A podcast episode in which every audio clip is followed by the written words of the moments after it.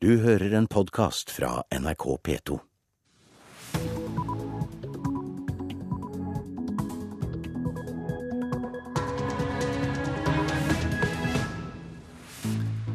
Er klokka 6.30. Det er tirsdag 13. mars. Du hører på Petos Nyhetsmorgen, og jeg heter Hege Holm. Dette er hovedsaker i nyhetene akkurat nå. Store nedbørsmengder har ført til ras, stengte veier og jernbaner i Midt-Norge. Store forventninger til den nyvalgte SV-lederen når det gjelder asylbarnas skjebne. Jeg ønsker meg nye regler så fort som mulig. I dette spørsmålet er vi i SV helt samlet, og jeg håper at eh, Arbeiderpartiet også vil eh, se at eh, disse barna fortjener en bedre behandling. Stor etterspørsel etter høyrepopulistiske standpunkter i befolkningen, sier forfatter, som forklarer hvorfor i ny bok.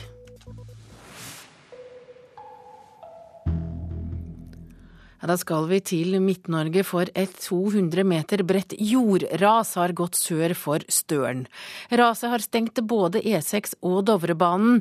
Ingen biler eller folk er tatt av raset, sier operasjonsleder Trude Karlsson ved Sør-Trøndelag politidistrikt. Raset har gått fra oversida av jernbanen, over jernbanelinja og ned på E6. Det har regna mye i Sør-Trøndelag de siste dagene, og raset kan ha sammenheng med det.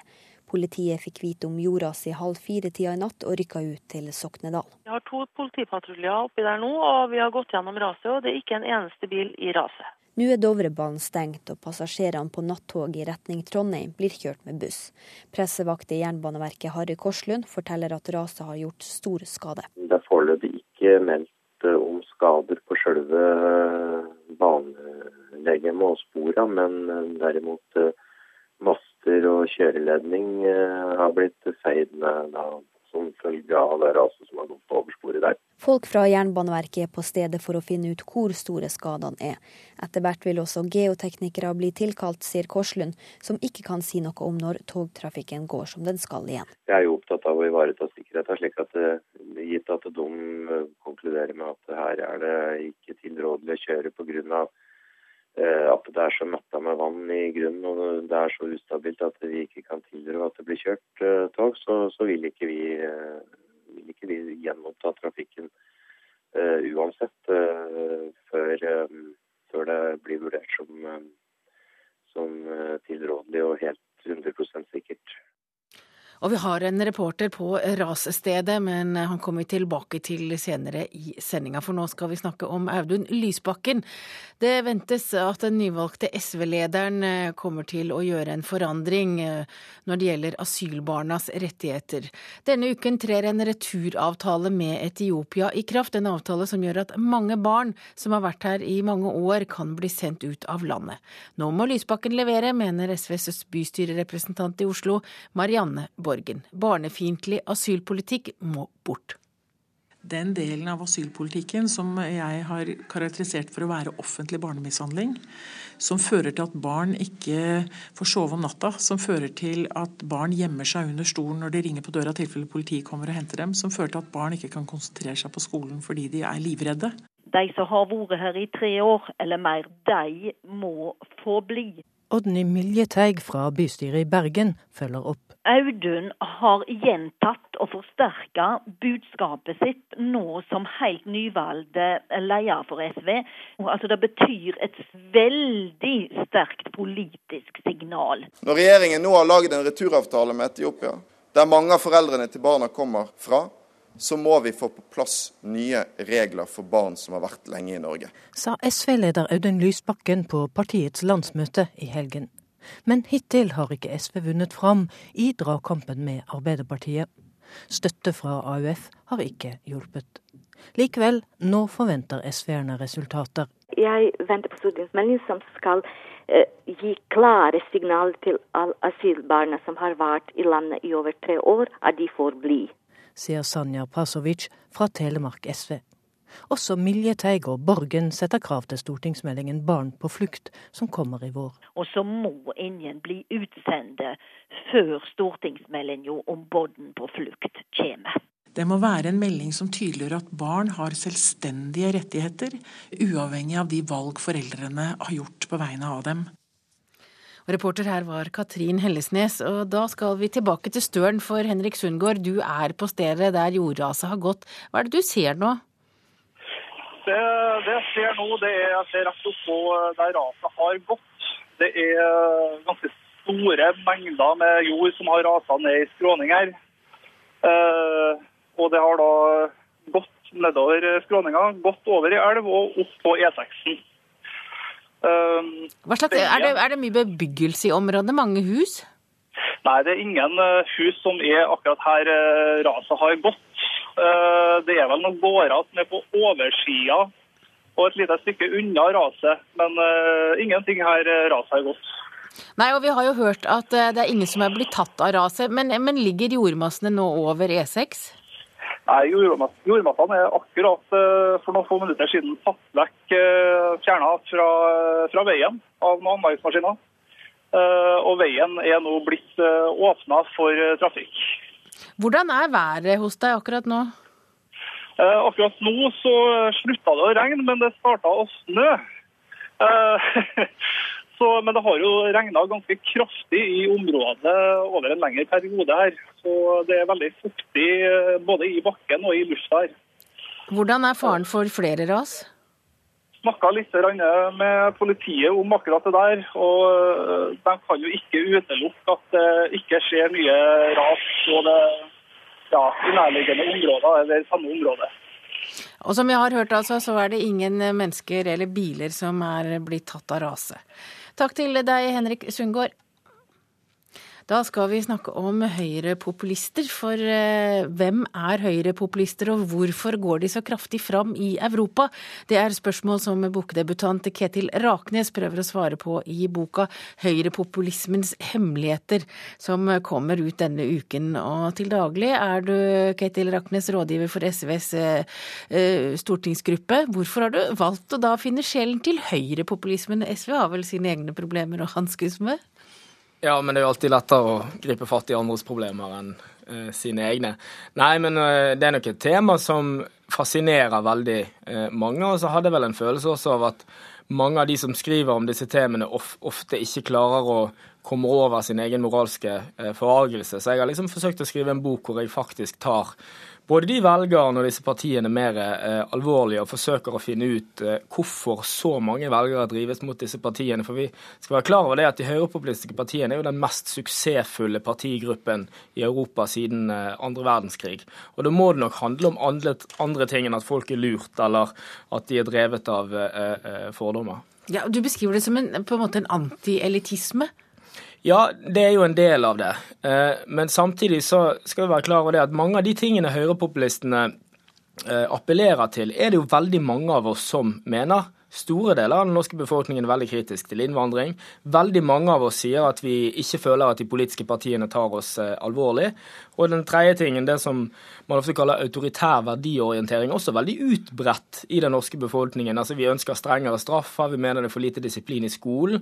Så det mange forskere spør seg om, er hvorfor disse partiene ikke har, eh, har så liten eh, oppslutning. Hvis du ser på hvor utbredt de holdnings... Eh, strømningene faktisk er i befolkningen. Så jeg tror jo ofte debatten om høyrepopulismen er preget av en viss grad av fortrengning, hvor vi sjøl ikke alltid ønsker å forholde oss til de spørsmålene de tar opp, fordi at de kan være vanskelig også for oss sjøl eh, å svare på. Også for jeg som jobber for et etablert parti, er det jo ikke alltid enkelt å svare på hvorfor er det så mange mennesker som har mistillit til eh, de partiene eller til eh, regjeringen i Norge i dag.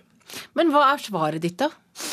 Eh, svaret mitt er for det første at jeg tror at vi skal ta de velgerne og disse partiene eh, alvorlig. Så en stor feil hvis du Jeg har skrevet om Sverige, Nederland, Danmark, jeg har skrevet om flere land det er at man ofte har forsøkt å, å, å, komme mer med psykiatriske diagnoser og fryse disse partiene ut fra den offentlige samtalen.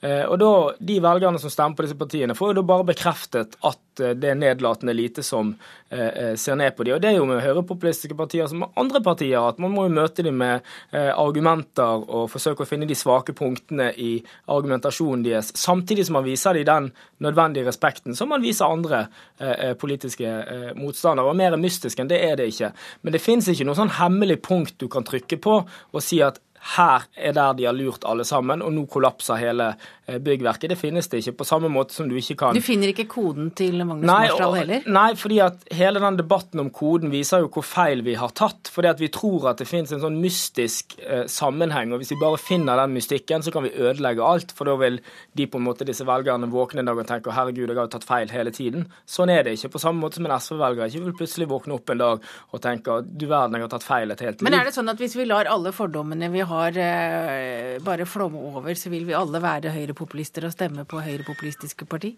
Noen mener jo at f.eks.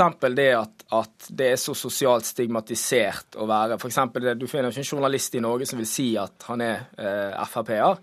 Mener jo at det holder igjen eh, oppslutningen etter hvert som partiene blir normalisert. og Så kan du se for deg at oppslutningen vil øke også. Men Samtidig så tror jeg det er veldig viktig å skille. for at De velgerne som stemmer høyrepopulistisk, det eneste som forener de er at de er innvandringskritiske. Så nå mener jo noen det at det er det samme som å være rasist, det er det samme som å være eh, intolerant.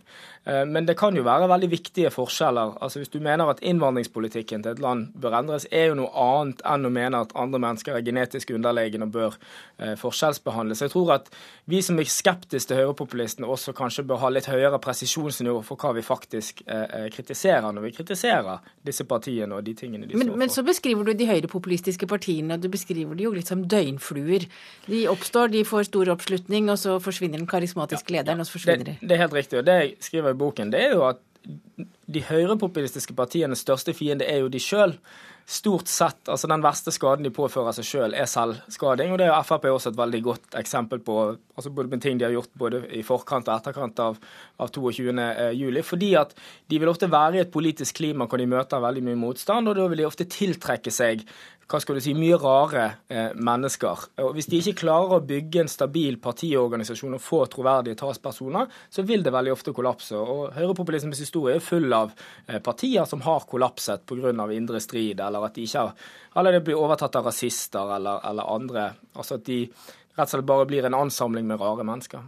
Jeg ser i VG i går så sier Fridtjof Jacobsen at eh, denne boka bør Audun Lysbakken lese, for mange av de høyrepopulistiske velgerne er jo egentlig velgere SV mener hører hjemme i partiet. Har du gitt boka til Lysbakken? Ja da, han, eh, jeg har diskutert dette her med, med mange i, i, SV og på, på, på venstresiden, men jeg tror at det er mange ting vi vet om politikk som vi ikke alltid snakker like høyt om, eh, og denne boken så har jeg endelig skrevet det ned. Og nå har du skrevet det, Ketil Raknes, eh, 'Høyrepopulismens hemmeligheter', og den er nå ute på markedet. Takk til deg. Tusen takk. Da skal vi til noe helt annet. Vi skal snakke om gode tider for bygg- og anleggsbransjen. For bransjen opplever sitt sterkeste arbeidsmarked på fem år, og rekrutteringen av arbeidskraft vil fortsette å øke. Det er det tall fra Manpower Groups arbeidsmarkedsundersøkelse som viser. Her bygges vi en læringsanstalt eh, som da er på 43 000 kvadratmeter. Der hun skal utdanne framtidige fagarbeidere og faglærte i Oslo-området. Det sa Pål Egil Rønn. Han er konsernsjef i AF-gruppen og leder dermed en av de bedriftene som opplever gode tider i arbeidsmarkedet. Med en forventa bemanningsvekst på nesten 20% i det kommende kvartalet, kan arbeidssøkere til bygg- og anleggsbransjen se fram til flere jobber. Det kan by på utfordringer for arbeidsgiverne. Eh, tidligere så hadde de kanskje ett eller eventuelt to tilbud om jobb. I dag opplever vi at eh, de ofte sitter på tre og fire jobbtilbud. Rekrutteringa til bygg- og anleggsjobber har økt år for år, og arbeidsgivere innen bransjen varsler at trenden vil fortsette. Konsernsjef i Manpower Group, Målfrid Bratt, sier at tallene er ekstra gledelige siden bransjen opplevde en nedtur under finanskrisa. Hun mener dette sier mye om den norske økonomien. Eh, vi har sett en positiv trend eh, over en lengre periode nå gjennom de siste, siste året. Men dette kvartalet er ekstra positivt for bygg og anlegg. Eh, og det sier vel litt om norsk økonomi generelt, og det vi forventer i forhold til utviklingen i, i Norge framover i forhold til ny produksjon og, og infrastrukturen i Norge. Ja, En gladmelding fra arbeidsmarkedet der. Reporter i denne saken var Katrine Humberseth og Ane Thea Juve Galåsen. Da har vi kommet fram til eh, dagens ferske aviser. Regn, ras og stengte veier, og verre skal det bli. Det er Adresseavisens oppsummering av vær- og føreforhold i Midt-Norge akkurat nå. Hvis noen forsøker å friste deg med tilbud som er for gode til å være sanne, skremmer deg eller ber deg om personlige opplysninger, pass opp, sannsynlig vil de svindle deg, skriver Dagbladet, som i dag vier førstesiden til nettsvindel. Fra 15. mars skal etiopere med avslag på asylsøknad reise tilbake til Etiopia, skriver Bergensavisen. For mange politifolk kan det være vanskelig å utføre jobben med å tvangssende etiopere de kjenner. Og da kan de reservere seg, sier leder i Politiets Fellesforbund i Hordaland, Kjetil Rekdal til BA. Advokatfirmaene melder om rush i transaksjonsmarkedet, skriver Dagens Næringsliv. Nå er det ordentlig trøkk, sier partner Nils H. Thommessen i Wiersholm.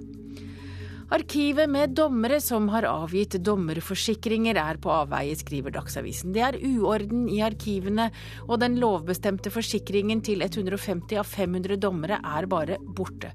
En av dommerne er dommer, eller skal være dommer i 22. juli-rettssaken. Han må skrive ny erklæring.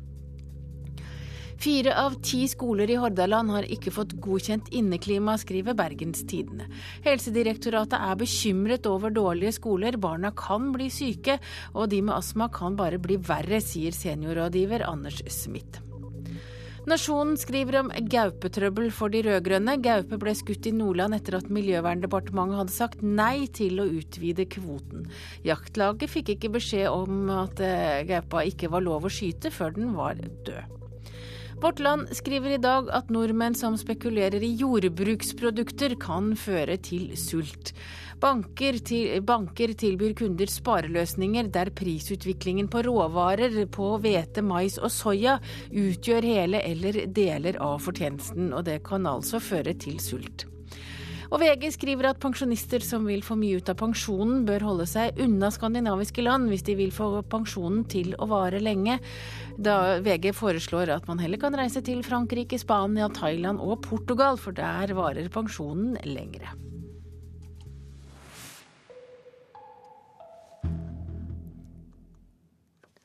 Norsk idrett er for dårlig til å markedsføre seg selv, det mener PR-strateg Bjørn Jacobsen etter at Holmenkollrennet i helga opplevde sitt svakeste publikumsoppslutning på 120 år. Jubelen satte ingen rekorder da verdenseliten satte utover hoppkanten i Holmenkollen søndag. Det gjorde derimot tilskuertallene. Aldri før har så få kjøpt billett til det tradisjonsrike rennet. Ingen overraskelse, skal vi tro PR-strateg i Republic Communications Bjørn B. Jacobsen. Generelt sett er norsk idrett altfor dårlig på markedsføring og også på utvikling av store begivenheter og store arrangement. Man har et veldig fokus i idrett i dag på eh, spisskompetanse på trenere, på fysioterapeuter, på alt som er av støtteapparat. Men så har man glemt denne biten. Han har jobba mye med tematikkens store begivenheter, og han mener Kollensøndagen er en av mange eksempler på at norsk idrett bommer totalt når det kommer til markedsføring. Ski-VM var, var, også svakt markedsført, hadde problemer i forkant. Eh, svakt billettsalg. Eh, hotellene i Oslo eh, viser i evalueringsrapporter i etterkant var på langt nær eh, fullboka. Snowboard som verdens hippeste vinteridrett for unge mennesker fikk ikke sponsorer. Det er oppsiktsvekkende. Og Jacobsen får støtte fra Rolf Nyhus, som i 25 år hadde ansvaret for Holmenkollen. Han mener idretten må ta ansvar. Jeg tror ikke man prioriterer det høyt nok. Jeg tror man må ta noen grep, og kanskje norsk idrett skulle ta et initiativ på dette med å markedsføre idrettsarrangement. For idretten skal ha et trofast og godt publikum, og må lage gode arrangementer så publikum virkelig ønsker å komme igjen. Ja, men så var det det med TV-apparatet, da. Og reporter her var Maria Mikkelsen. Du hører på Nyhetsmorgen i NRK P2 og Alltid nyheter. Klokka er 6.48, og dette er hovedsaker i nyhetene. Kraftig nedbør har ført til ras, stengte veier og jernbane i Midt-Norge. Store forventninger til den nyvalgte SV-lederen når det gjelder asylbarnas skjebne. Og det muslimske nettstedet Salam World kan bli et halal-alternativ til Facebook.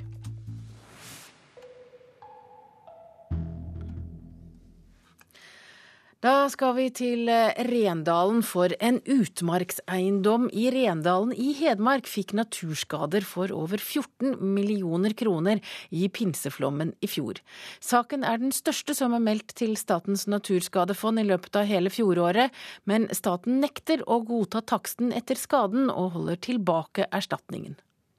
Det var et regnvær av en annen verden hva skal vi si, en slags tyfon fra Sørøst-Asia over våre trakter. For det var helt hinsides og uten noen sammenligning for øvrig. Bonde og grunneier Erling Øvergård på Hanstad i Rendalen forteller for første gang offentlig om skrekknatta mellom 9. og 10. juni i fjor. I likhet med mange andre steder på Østlandet slo pinseuværet til med voldsom kraft over utmarkseiendommen hans vest for Glomma i Rendalen. Det er en voldsom opplevelse som fører til en slags form for skrekk. Den lille elva Hanstadnea, med en normalvannføring på to kubikkmeter i sekundet, ble forvandla til et frådende inferno. Vannmassene grov med seg alt som var i veien på sin ferd nedover den trange sidedalen til Glomma, og forårsaket enorme ødeleggelser. Elveleiet er et eneste stort og vanvittig tordenvær av um, lyd. Eh, stein på 10-15 tonn jo, blir jo kasta rundt i elvefaret. Beskriv for oss hva det var som ble ødelagt denne natta om morgenen. Det er hele elvefaret som er på ca. 10 km. Det var 7-8 eh, km med vei. Det var eh, tre bruer. Det var et koietun. Naturskadeloven bestemmer at det er lensmannen i hver kommune som skal taksere naturskader, såkalt lensmannsskjønn. Det er derfor lensmannen i Rendalen som sammen med to andre takstmenn har beregna skaden på Øvergårds eiendom til totalt nesten 14,5 millioner kroner. Et beløp som har ført til hevede øyenbryn i Statens naturskadefond. Ja, det er et kjempebeløp. Det er den største saken som har vært på mitt bord på fem-seks år. Eh, vår gjennomsnittssak er på 90 000 kroner. Trond R. Bø er advokat for Naturskadefondet. Han forteller at de holder tilbake erstatningen til Erling Øvergård pga. det de mener er for dårlig takstarbeid. Vi finner ikke skjønnet godt nok begrunnet. Selve skjønnet er jo for å være litt uærbødig, et kladdark, et håndskrevet kladdark hvor det er satt opp noen helt runde summer. slik at Vi mener jo at vi rett og slett ikke kan utbetale da, denne erstatningen på bakgrunn av det skjønnet. Det er rett og slett ikke godt nok dokumentert at denne erstatningen er riktig. Vil du si at dette er uprofesjonelt gjort? Ja, det vil jeg si.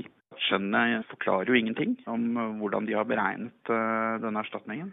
Det er jo vanlig at man gjennomfører en ordentlig skjønnsforretning og skriver ut et skikkelig skjønn hvor man belyser de ulike spørsmålene. Og Enda viktigere blir det når saken er av den størrelsesorden her. Nå har staten krevd såkalt overskjønn i erstatningssaken.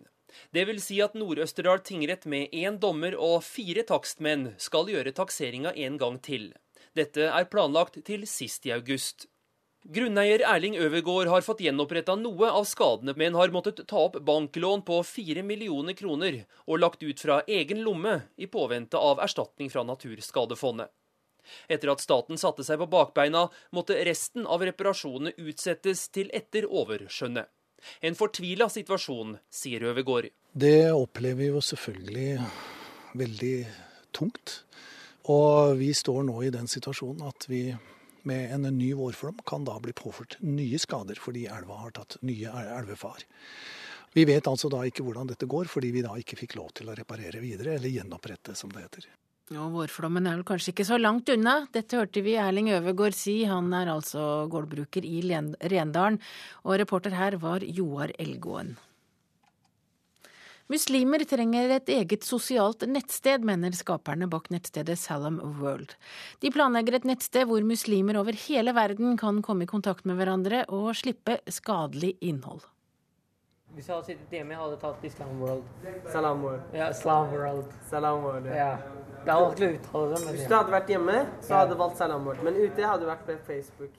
Ali Sajad fra Irak og Sajil fra Pakistan snakker om Salam World et nytt sosialt nettverk for muslimer som lanseres til sommeren. En promovideo lover et sosialt nettverk helt halal, altså tillatt i islam.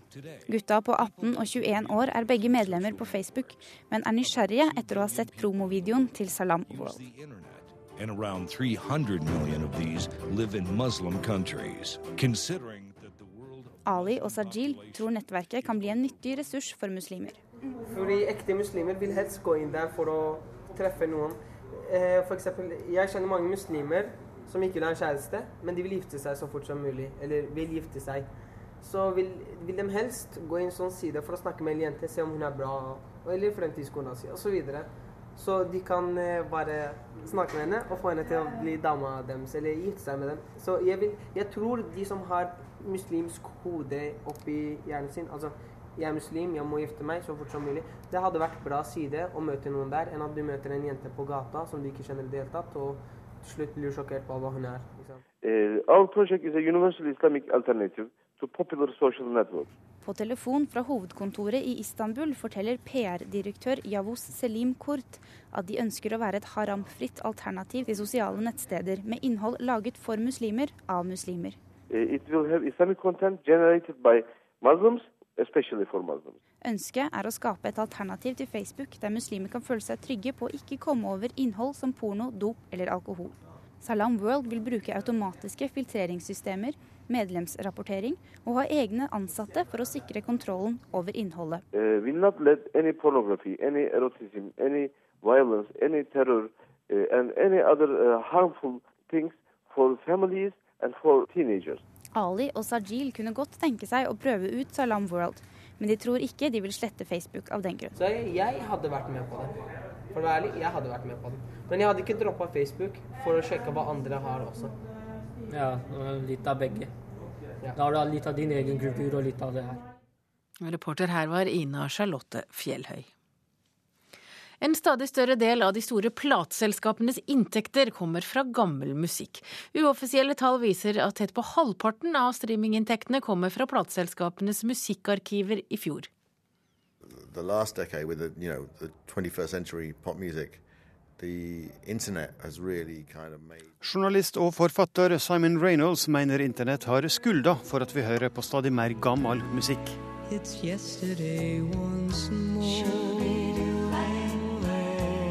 Streamingtjenester som Spotify og Vimp tok for alvor av i fjor. Ifølge tall fra platebransjen kom opp mot halvparten av streaminginntektene i 2011 fra musikk som er eldre enn ett år. Musikkviter Audun Molde mener plateselskapene sitter på ei gullgruve, men advarer mot å bli for avhengig av arkiver. Det kan være et problem at plateselskapene blir avhengig av det gullet, i den grad at ikke man skaper nytt gull som blir et arkiv 30 eh, år fram i tid. Men salgssjef Børre Johnsen i Universal Music tror ikke det blir et stort problem. I Plateselskapene er avhengig av å skaffe frem nye talenter, og skaffe frem nye hits. Det blir jo katalog gjennom fem år, om ti år. Sånn sett så er plateselskapene avhengig av å skape nye hits egentlig til enhver tid.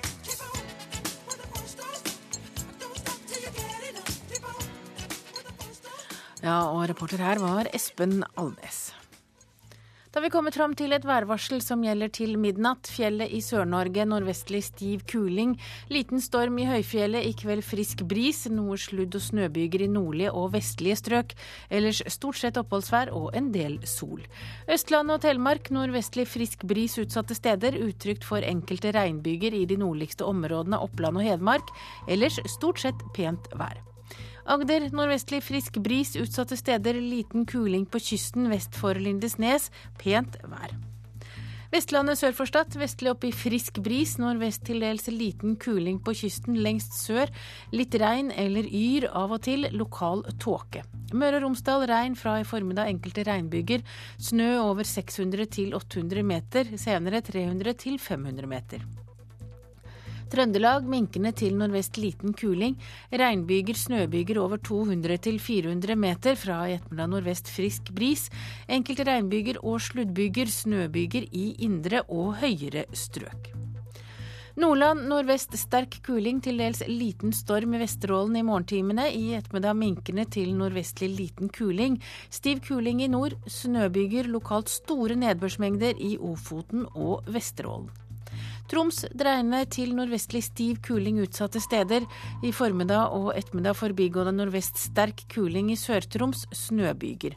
Lokalt store snø nedbørsmengder. Og så er det Finnmark. Nordvest liten kuling utsatte steder, av og til stiv kuling på kysten og perioder med snø. Nordensjøland på Spitsbergen stort sett oppholdsvær. Og det var altså et værvarsel som gjelder fram til midnatt.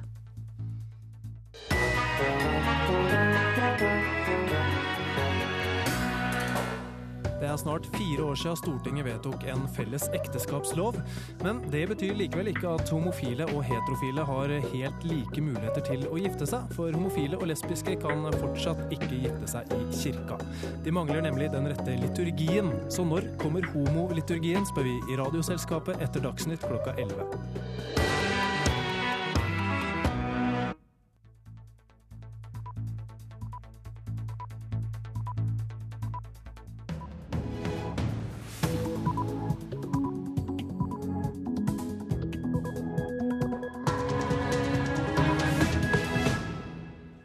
Klokka er sju, du hører på Nyhetsmorgen. Jeg heter Hege Holm, og her er en nyhetsoppdatering. Hjelpetilbudet for aggressive menn som går på anabole steroider, er så godt som fraværende, ifølge fagfolk. Steroidene fører med seg mer enn store muskler, forteller Stig Morten Seierstad. Jeg løfta han opp ifra, fra gulvet og kjørte han inn i en sånn der midtstolpe i, i rommet der. Og så gikk jeg jo videre, og så slengte jeg den ifra meg. Og da var det jo steinheller på gulvet. Så han datt ned, og så slo han huet sitt så det sprakk. Et 200 meter bredt jordras har gått sør for Støren i Sør-Trøndelag. Raset har stengt både E6 og Dovrebanen. Kun 28% av norske IT-bedrifter selger produkter utenfor Norden. Vi må ha færre Reodor Felgen og flere Solan Gundersen som er ute der og tar, tar, produktene våre ut og våger å selge dem. Og våger å være der ute mer enn en heisatur i ny og ne men kanskje til og med flytte utlandet for å selge produktene våre der ute. Og Det oppfordret Anders Melby. I dag står kampen om sørstatene for de republikanske presidentkandidatene. Stadig flere kvinner og menn får demens i ung alder. Sånn som Før i tida så var det jo det at når noe feilte opp i hodet, så, så skulle det helst gjemmes vekk. Og ikke snakkes om. Og det henger vel igjen, dessverre, enda lite grann. Skjønt om det er blitt veldig mye bedre enn det var. Ja, og det sa Astrid Areklett. Mannen hennes ble dement i slutten av 40-årene. Aggressive menn på anabole steroider blir dømt for drap, grov mishandling og voldtekt. Men behandlingstilbud for dopingbrukere finnes nesten ikke, ifølge fagfolk. Konsekvensen er grov vold som kunne vært unngått dersom de hadde fått hjelp, sier ekspert. Det var liksom bare rett på. Og så var det der, liksom. Helt rolig det ene sekundet, voldsomt aggressiv med knyttneven klar det neste. Da bruser blodet helt sånn at du kjenner det virkelig i kroppen. Lysta på svulmende store muskler lokka Stig Morten Seierstad til å begynne på anabole steroider. Men det førte med seg så mye mer. Sinne, grov vold, fengsel. Litt slenging med leppa fra en full mann var alt som skulle til en kveld Stig var på jobb som dørvakt. Jeg løfta han opp fra, fra gulvet og kjørte han inn i en sånn der midtstolpe i, i, rommet der. Og så gikk jeg jo videre, og så slengte jeg den fra meg. Og da var det jo steinheller på gulvet. Så han datt ned, og så slo han huet sitt så det sprakk. Stig har slutta nå, men over hele landet blir det brukt anabole steroider. Dobbelt så mange unge som for få år siden sier de har prøvd. Mange av de som bruker det, blir aggressive eller får andre alvorlige bivirkninger. Jeg tror nok at vi snakker om tusener. Sier professor Egil Haug. Vi vet jo etter hvert nå at dette er et betydelig problem i samfunnet. Han mener behandlingstilbudet er altfor dårlig. I Norge så er det vel rimelig å si at det er et mangel på spesifisert behandlingstilbud til denne gruppen. Og det er beklagelig, fordi dette er en gruppe som krever spesiell kompetanse for også å kunne behandles. På Aker sykehus prøver de å bygge opp et ressurssenter som det første i landet. Problemet vårt er at kapasiteten er liten, sånn at køen blir lang, og det tar tid før de kommer til behandling. Jeg tenker at vi må komme i gang med å etablere kompetanse på dette flere steder i Norge. Og vi kan da kikke til Sverige, fordi der har de etablert slike ressurssentre eh, i flere ulike byer.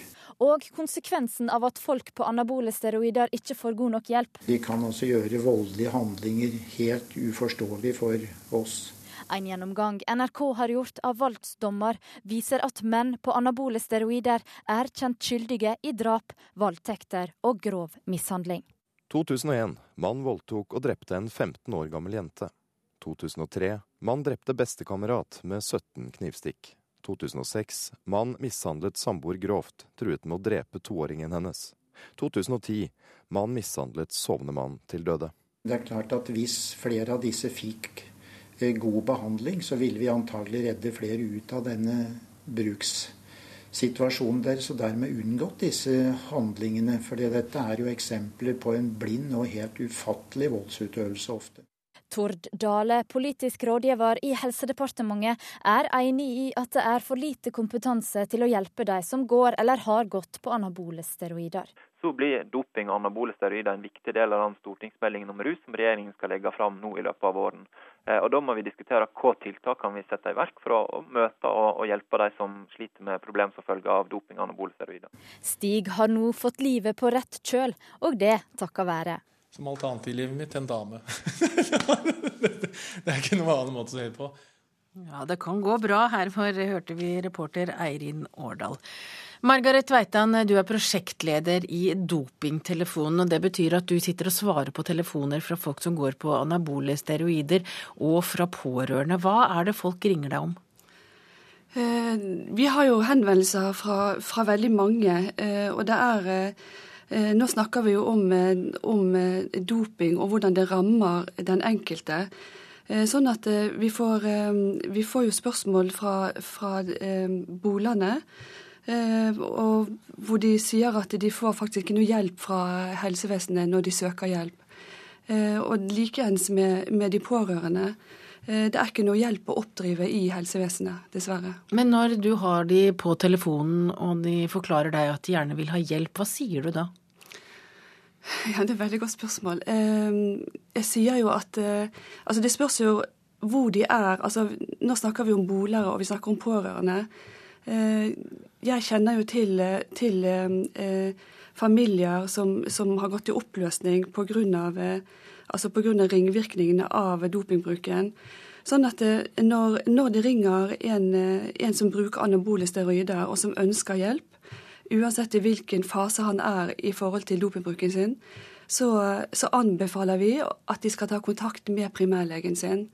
Eh, og det har noen faktisk gjort, eh, og får ikke hjelp der, mens andre forsøker. Så, og det samme sier vi til de pårørende også. Hvorfor får de ikke hjelp hos eh, primærlegen? Eh, nå må vi huske på at eh, eh, dette er et veldig, veldig spesielt fagfelt. og, og Anabole androgene steroider er det de færreste som har noe kompetanse om.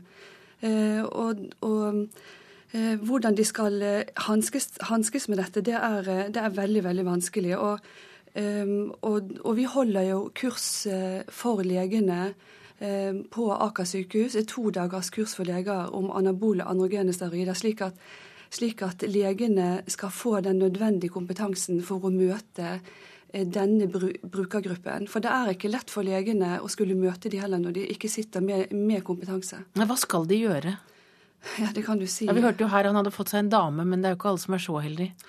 Ja, Det er veldig veldig vanskelig. Og det, heldigvis så har vi jo noen nøkkelpersoner rundt i landet vårt. Og eh, disse legene som har vært på det todagerskurset hos oss eh, på Aker sykehus, eh, de har vi vært så heldige Eh, og få som kontaktleger. Dvs. Si at vi er i ferd med å bygge opp et veldig bra kontaktlegenett rundt hele landet, slik at de som ringer oss eh, i de dertilhørende områdene, da kan vi henvise til de legene som har den faktiske kompetansen.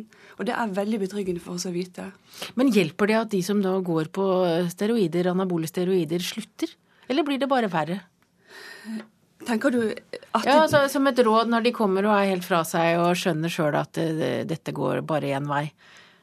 Er, eh, hadde vi hatt fasitsvar på det, så hadde vi nok knekt både kodene med hensyn til hvem som starter dopingbruken, og hvem som ikke gjør det. Jeg tror at det er veldig viktig at vi ser eh, lang, altså en sånn konsekvens her. At vi vet at det er en 3-4% som bruker anabole steroider. Og vi vet at det er det psykiske aspektet som faktisk gjør mest skade, og som faktisk er det verste for, for de pårørende og den, og den, det gjelder. Sånn at det, det, er klart, det, er klart, det er mulig å komme seg ut av dopingbruken, men da må man være beinhard. Altså, da må man ordentlig ønske det. Eh, og så, dersom vi får de fire millionene vi har søkt om til, til å bygge opp et kompetansesenter på Aker sykehus, så føler jeg at veldig mye er gjort. Eh, da får vi leger og psykologer som faktisk er, er kompetente og kan gi faglig veiledning og behandling både til de det rammer, både pårørende, brukerne selv og til helsepersonell. Og I dagens kroppsfikserte samfunn så er det vel ingen fare for at du blir arbeidsledig, Margaret Weitan? Jo, det kan det faktisk hende. Fordi nå har Dopingtelefonen fått en evaluering, og jeg vet ikke hvordan det kommer til å skje. Dette burde jeg kanskje ikke ha sagt, men jeg håper at den evalueringen eh, som Helsedirektoratet har gjort, at vi får eh, øket bemanningen vår. Takk til deg, Margaret Weitan, prosjektleder i hvert fall ennå ved Dopingtelefonen. Da skal vi til noe helt annet, for eh, norske IT-bedrifter flopper utenfor Skandinavia. Tall fra IKT Norge viser at kun 28% av IT-bedriftene selger produkter utenfor Norden. Jeg pleier å si at uh, du, vi må ha færre Reodor Fellinger og flere Solan Gundersen som er ute der og tar, tar, produktene våre ut og våger å selge dem. Og våger å være der ute mer enn en heisatur i ny og ne. Men kanskje til og med flytte utlandet for å selge produktene våre der ute. Teknologi kjenner ingen grenser. Likevel, nordmannen evner i liten grad å selge IT og kunnskap i utlandet.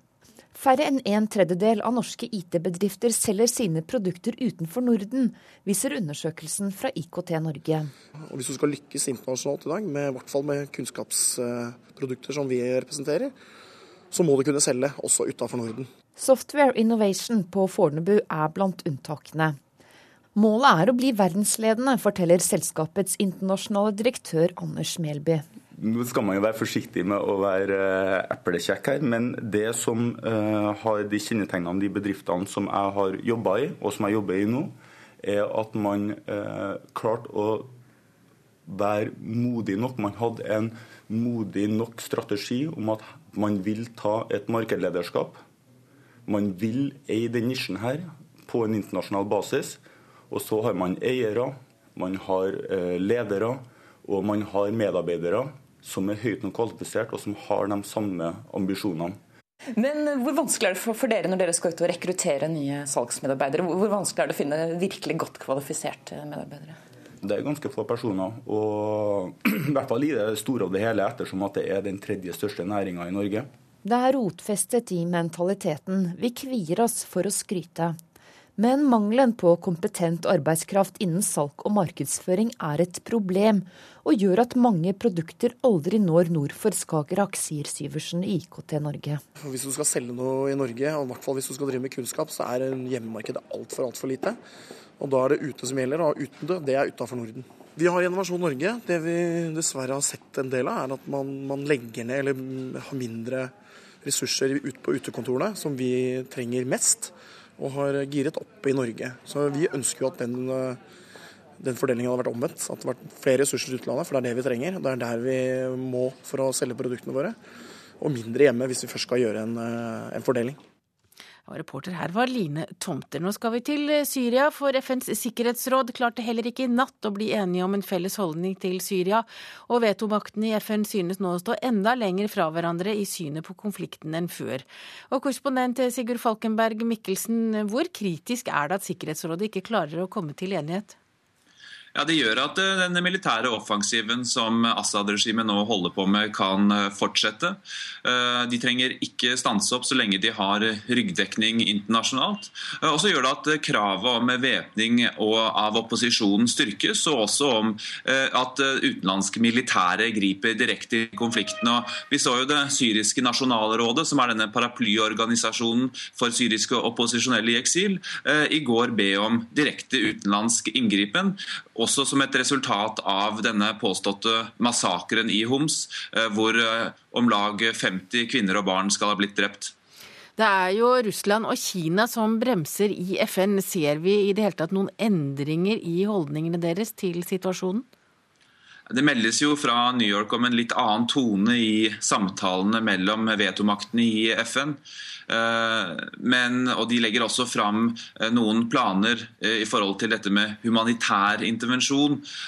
Og at det skal være tilgang for humanitære grupper. Men fram til nå så har dette bare vært ord. Og det gir Assad-regimet den ryggdekningen og den tiden det trenger til å holde på med denne militære offensiven som de nå er i gang med i Homs, men også i Idlib lenger nord. Betyr det at diplomati i forhold til Syria nå er i ferd med å bli alvorlig svekket? Ja, og det har vært veldig svakt hele veien. Det har gått eh, ett år eh, siden denne konflikten begynte, og det er ingen som har klart å finne opp en, eh, en, god og konstruktiv løsning til hvordan dette skal gå videre. Eh, dette handler selvfølgelig om den arabiske eh, og den, beklager, den russiske blokkeringen, men også eh, i en mangel på en konstruktiv vestlig politikk. De klarer ikke å finne en løsning på dette diplomatisk. det er for uklart. Syria er for komplisert. Eh, slik at Diplomatiet har fra begynnelsen av vært eh, meget svakt i forhold til Syria-konflikten. Vi kunne jo se bilder her om dagen av Kofi Annan som var i samtaler. Og han har jo fått eh, helt, eller la fram helt konkrete forslag for president Assad. Vet vi noe om Assad vil svare? Nei, han har en frist til, til, i dag eller til i morgen på å svare på disse forslagene. Men det er tvilsomt om det kommer noen, noen troverdige svar på dette. Eh, jeg tror at Så lenge Kofi Annan ikke har fått med seg Russland på et kompromissforslag, så vil ikke Bashar al-Assad ta Kofi Annan særlig seriøst. Takk til korrespondent Sigurd Falkenberg Mikkelsen. Klokka er 7.15. Du hører på Nyhetsmorgen i NRK P2. Dette er hovedsaker akkurat nå. E6 i Sør-Trøndelag er åpnet, mens Dovrebanen fortsatt er stengt etter et stort jordras ved Støren. Altfor dårlig behandlingstilbud for menn på anabole steroider fører til mer vold, mener fagfolk. Og kun 28% av norske IT-bedrifter selger produkter utenfor Norden.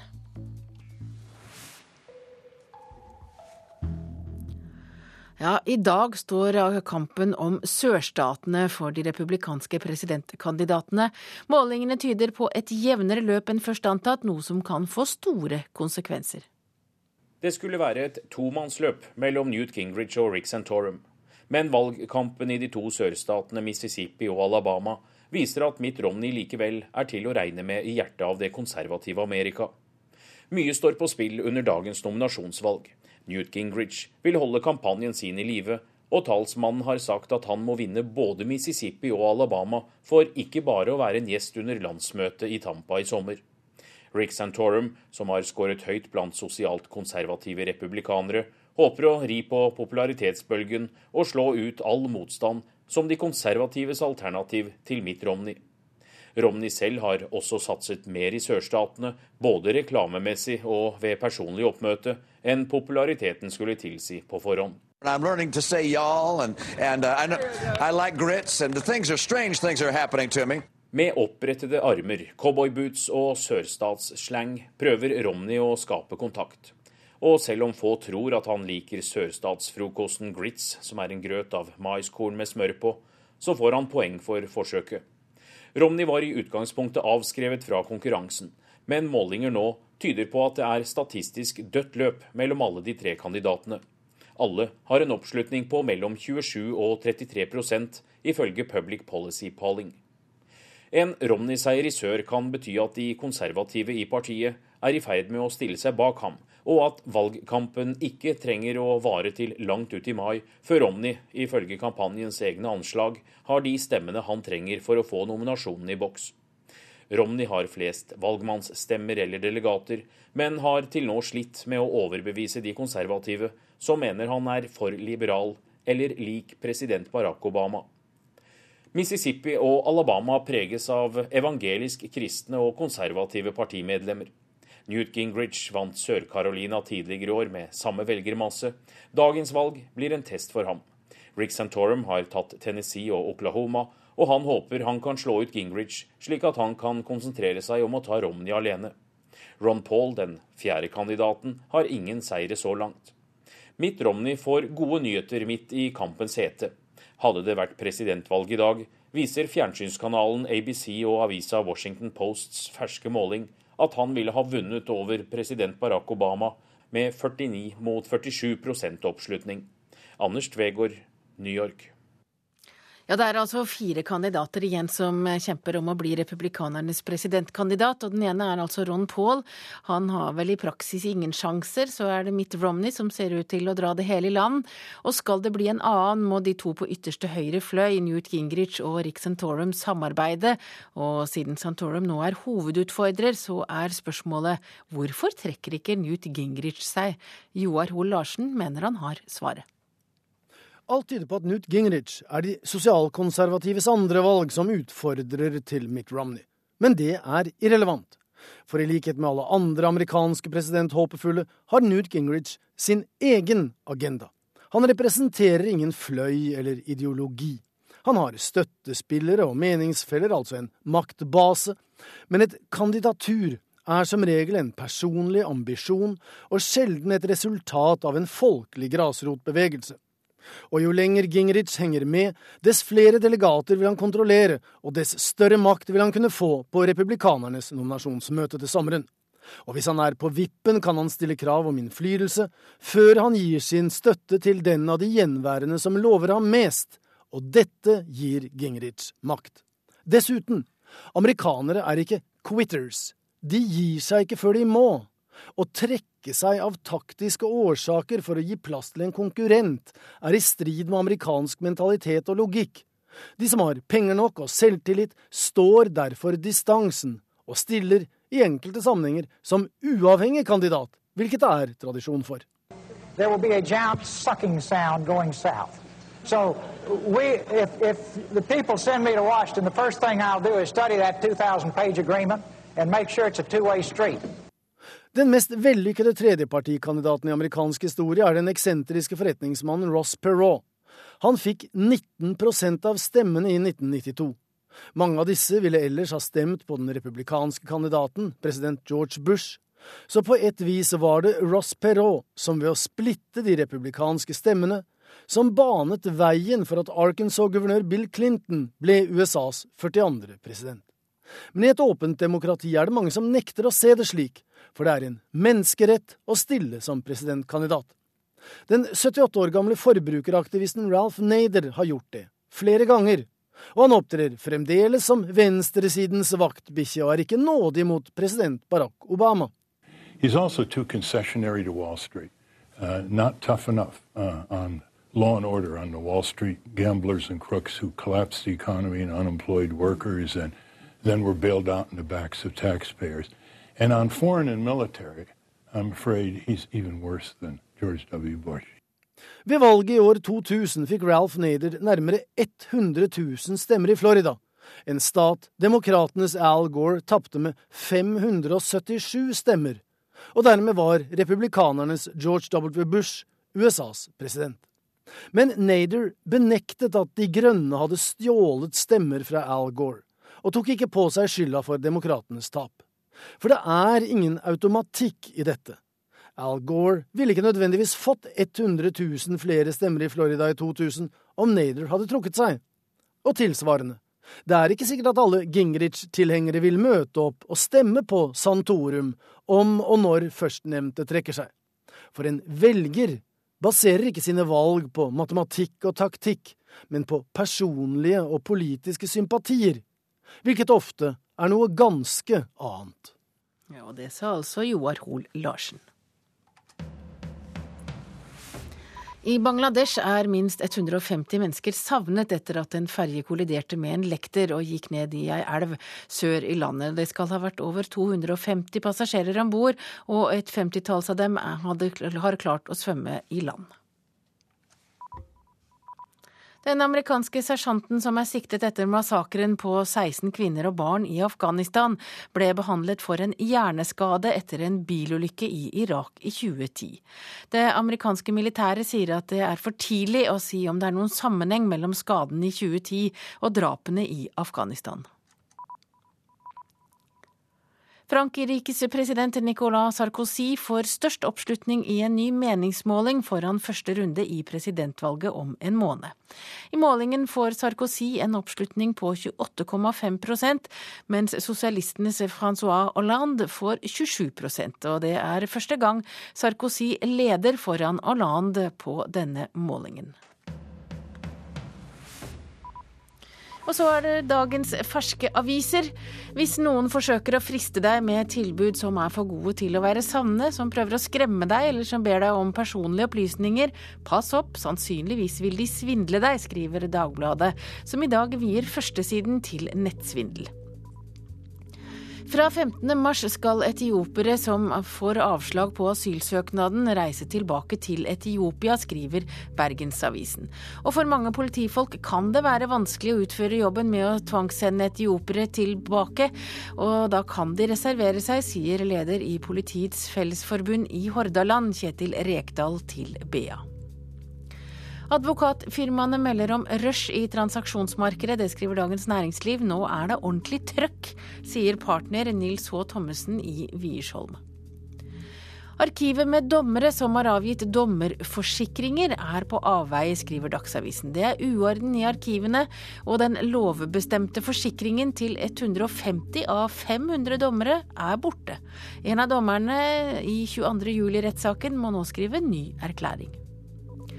Fire av ti skoler i Hordaland har ikke fått godkjent inneklima, skriver Bergens Tidende. Helsedirektoratet er bekymret over dårlige skoler. Barna kan bli syke, og de med astma kan bli verre, sier seniorrådgiver Anders Smith. Nasjonen skriver om gaupetrøbbel for de rød-grønne. Gaupe ble skutt i Nordland etter at Miljøverndepartementet hadde sagt nei til å utvide kvoten, men jaktlaget fikk beskjeden for sent. Det er lett å være innvandringsliberal når man bosetter seg i en hvit getto med andre middelklassefamilier, sier SV-strateg og bokdebutant Ketil Raknes til Klassekampen. Vårt Land skriver i dag at nordmenn som spekulerer i jordbruksprodukter, kan føre til sult. Banker tilbyr kunder spareløsninger der prisutviklingen på råvarer som hvete, mais og soya utgjør hele eller deler av fortjenesten. Og VG skriver at pensjonister som vil få mye ut av pensjonen, bør holde seg unna skandinaviske land hvis de vil få pensjonen til å vare lenge. Frankrike, Spania, Thailand og Portugal er steder du får mer igjen for pengene.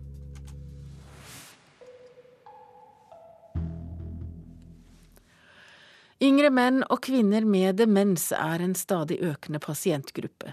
Det fins få helsetilbud til denne gruppen, og det er et tabubelagt tema som få gjerne snakker om. Vi har møtt familien til en som fikk demens da han var i slutten av 40-årene. Ja, han gjorde nok det i et tilfelle, og det var, det var egentlig veldig tøft. Men der kommer det noe av det at han takla det, for han, han kom med det at det var ikke bestefaren, det var, det var sykdommen. Andreas Areklett fra Naustdal begynte å endre personligdom i slutten av 40-åra. Det var ei stor påkjenning for familien, som kjente han som sprek, sosial og glad i å danse.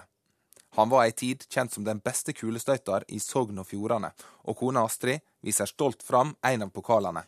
Den som står her på ovnen. Og der har han stått siden vi flytta bort her i huset. Astrid Areklett var gift med Andreas fram til han døde for sju år siden. Han begynte å utvikle demens etter ei fallulykke da han var 48 år. Og stadig flere unge kvinner og menn får demens, en sykdom som ofte fører med seg en personlighetsendring og kan føre til sinne og aggresjon. Det fikk familien Areklett oppleve da en skremt åtteåring måtte få trøst av bestemora etter å ha blitt tukta. Han var fortvila med det samme, men vi gikk inn på soverommet og satte oss ned, og der prøvde jeg å prate med han, og vi grein begge to, og prata ganske lenge. Familien ordna i stor grad opp i ting sjølve. Ja, jeg veit ikke om jeg skal si at vi ba om så forferdelig mye hjelp. Når det gjaldt om informasjon og sånn, så lånte jeg bøker sjøl på biblioteket og Tor Atle Rosnes ved Nasjonalt kompetansesenter for demens mener det er et altfor dårlig tilbud til unge demente i Norge. Dessverre så er det veldig mangelfullt og, og bør absolutt utbedres på, på alle mulige eh, stadier av sykdommen. Både fra man får diagnosen til da sluttstadiet til at man er si, kommet i en alvorlig grad av sykdommen. I Eid kommune har de en økende andel av unge demente. Kommunesjefen i Eid, Kari Krog, slår fast at dagens tilbud til målgruppa er for dårlig. de har ikke vi noe tilbud til i dag. For det, den gruppa, det er det som er omtalt i den delplanen vår òg, at det er den gruppa det haster med å få til et tilbud til.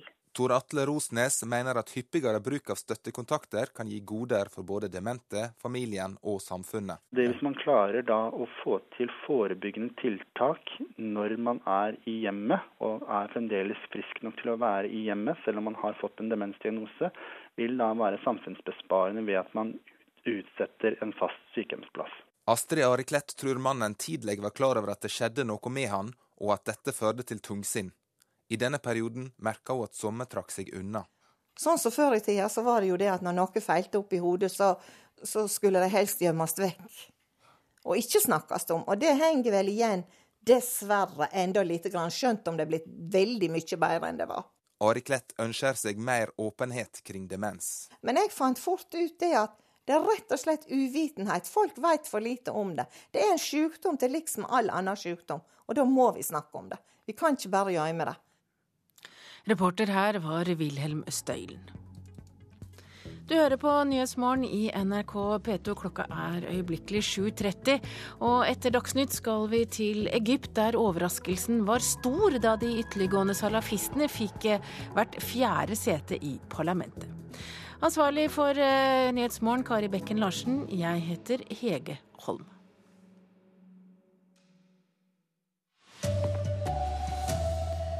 Det kunne vært mindre vold dersom flere dopingbrukere hadde fått hjelp, mener professor. E6 er åpna, medan Dovrebanen fremdeles er stengt etter et stort jordras i Sør-Trøndelag. Og presidenten i Syria har frist til i dag med å svare på fredsframlegget fra Kofi Annan. Her er NRK Dagsnytt klokka 7.30. Aggressive menn på anabole steroider vært dømte for drap, vold, øh, drap, grov mishandling og voldtekt. Men det finnes nesten ikke behandlingstilbud for denne typen dopingbrukere, sier fagfolk. Dette er et økende samfunnsproblem der følgende er valg som kunne vært unngått om flere hadde fått hjelp, mener ekspert. Det var liksom bare rett på, og så var det der, liksom. Helt rolig det ene sekundet, voldsomt aggressiv med knyttneven klar det neste. Da bruser blodet helt sånn at du kjenner det virkelig i kroppen. Lysta på svulmende, store muskler lokka Stig Morten Seierstad til å ta anabole steroider. Men det førte også til sinne, grov og fengsel. En stygg kommentar var alt som skulle til da Stig jobba som dørvakt. Da hadde jeg løfta han opp fra, fra gulvet og kjørt han inn i en sånn der midtstolpe i, i rommet der. Og så gikk jeg jo videre og så slengte jeg han ifra meg. Og da var det jo steinheller på gulvet. Så han datt ned, og så slo han huet sitt så det sprakk. Stig har slutta nå, men steroider blir brukt over hele landet. Mange blir aggressive eller får andre alvorlige bivirkninger. Jeg tror nok at vi snakker om tusener. Sier professor Egil Haug. I Norge så er det vel rimelig å si at det er et mangel på spesifisert behandlingstilbud til denne gruppen. Det er en gruppe som krever spesiell kompetanse for også å kunne behandles. En gjennomgang NRK har gjort av voldsdommer, viser at menn på anabole steroider er dømt for drap, voldtekter og grov mishandling. 2003 mann drepte bestekamerat med 17 knivstikk. 2006 mann mishandlet samboer grovt, truet med å drepe toåringen hennes.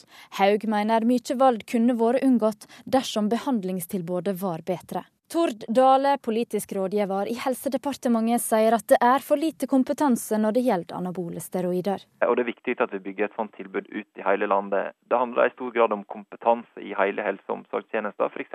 At, at helsesøster vet noe dersom en gutt i 18-19-åra kommer innom og, og stiller spørsmål og kanskje har blitt mye større over kort tid. Reporter Eirin Årdal. Dovrebanen er stengt mellom Soknedal og Støren, og E6 er åpna igjen etter at det gikk et jordras i Sør-Trøndelag i natt. Reporter Arne Kristian Gansmo, du er på stedet, og hvordan er situasjonen der nå? Ja, Nå så går trafikken så normalt som du sier. Veien er helt fri for leire og rester av trær og det som måtte være. Det som skjedde her rundt halv fire-tida natt, var da altså at det, det løsna et skred på oversiden av jernbanelinja som går på østsida av elva her ganske høyt oppe i lia. Og så har det kommet ganske mye masse da, ned langs skråningen her, tatt med seg det som var av skog. Og så fylt opp dalbunnen, dvs. Si at elva har blitt fylt opp. Og så har det fortsatt opp på veien. ca. en meters høyde. Og så har det rent fra ganske sørpete så har det rent nedover veien. Så, så selve veien har hatt jord og, og rester ca. 200 meters lengde. Du sier at veien er åpna igjen, men jernbanen er fremdeles stengt. Hva følger for det for dette raset for jernbanen? Foreløpig er altså Dovrebanen stengt på dette stedet. Da, og jeg møtte nettopp eh, en eh, buss for tog som kjørte forbi her. Så de som skal forbi her med tog, må omplasseres for busser som kjører forbi. Eh, og Det kan hende at det fortsetter utover dagen, fordi Jernbaneverket sier altså at de ikke vil åpne før de har fått forsikringer fra geofysikere om at dette er i orden. Det har vært veldig vått i Trøndelag siste døgnet. Hvordan er været der nå? Ja, Det er fortsatt mye nedbør, men nå i form av snø og sludd her vi er nå. Og Det er jo en liten fordel, for da blir ikke eh, innslaget i jorda så, så kraftig som det ville vært med regn. Det har regna veldig mye i natt. og Det er nok det som har løst dette raset. Når det da er tæle i bunnen, så, så har ikke vannet noe særlig mange steder å gå. Takk for den rapporten, Arne Kristian Gonsmo i Sør-Trøndelag. Nyvalgte SV-leder Audun Lysbakken har pekt på rettene til asylborna som ei kampsak for partiet. Denne veka trer en returavtale med Etiopia i kraft, en avtale som gjør at mange barn som har vært i Norge i årevis, kan bli sendt ut. Nå må Lysbakken levere, mener bystyrerepresentant for SV i Oslo Marianne Borgen. Barnefiendtlig asylpolitikk må vekk som fører til at barn ikke får sove om natta, som fører til at barn gjemmer seg under stolen når de ringer på døra i tilfelle politiet kommer og henter dem, som fører til at barn ikke kan konsentrere seg på skolen fordi de er livredde. Odny Miljeteig fra bystyret i Bergen følger opp. De som har vært her i tre år eller mer, de må få bli. Når regjeringen nå har laget en returavtale med Etiopia, der mange av foreldrene til barna kommer fra, så må vi få på plass nye regler for barn som har vært lenge i Norge. Sa SV-leder Audun Lysbakken på partiets landsmøte i helgen. Men hittil har ikke SV vunnet fram i dragkampen med Arbeiderpartiet. Støtte fra AUF har ikke hjulpet. Likevel, nå forventer SV-erne resultater. Jeg venter på stortingsmeldingen som skal gi klare signaler til alle asylbarna som har vært i landet i over tre år, at de får bli sier Sanja Pasovic fra Telemark SV. Også Milje Teig og Borgen setter krav til stortingsmeldingen Barn på flukt, som kommer i vår. Og så må ingen bli utsendt før stortingsmeldingen om barn på flukt kommer. Det må være en melding som tydeliggjør at barn har selvstendige rettigheter, uavhengig av de valg foreldrene har gjort på vegne av dem. Reportere Katrin Hellesnes og Berit Aalborg. Norske IT-bedrifter mislykkes utenfor Skandinavia. Tall fra IKT Norge viser at bare 28% av IT-bedriftene selger produkt utenfor Norden. Det er stor mangel på personer som kan internasjonalt sal, sier Fredrik Syversen, direktør for næringsutvikling i IKT Norge.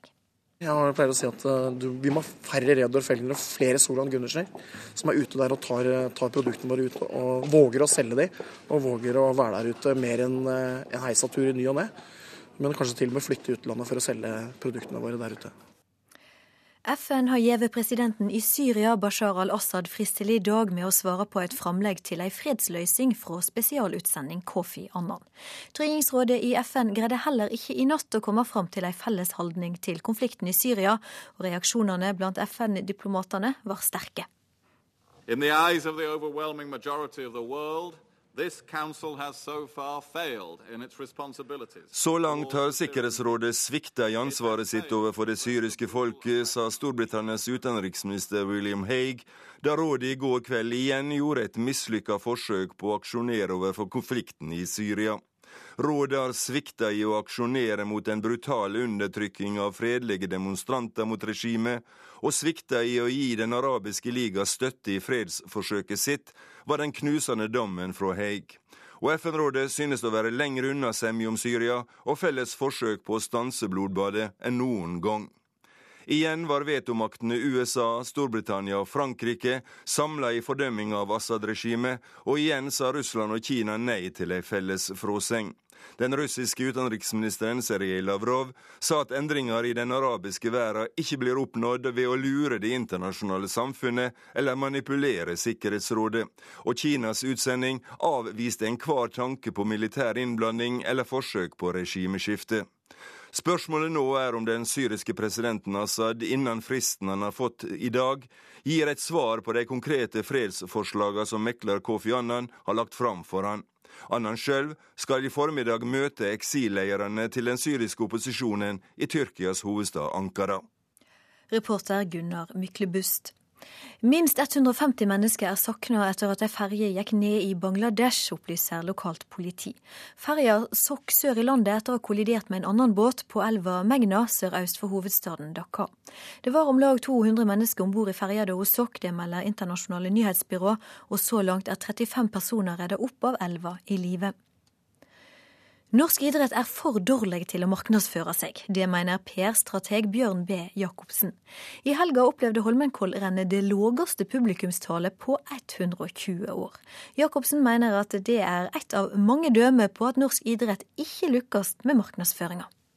Generelt sett er norsk idrett altfor dårlig på markedsføring og også på utvikling av store begivenheter og store arrangement. Ski-VM var, var, også svakt markedsført, hadde problemer i forkant.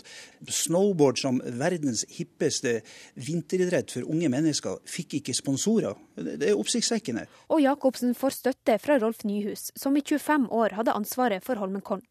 Han mener idretten må ta ansvar. Jeg tror ikke man prioriterer det høyt nok.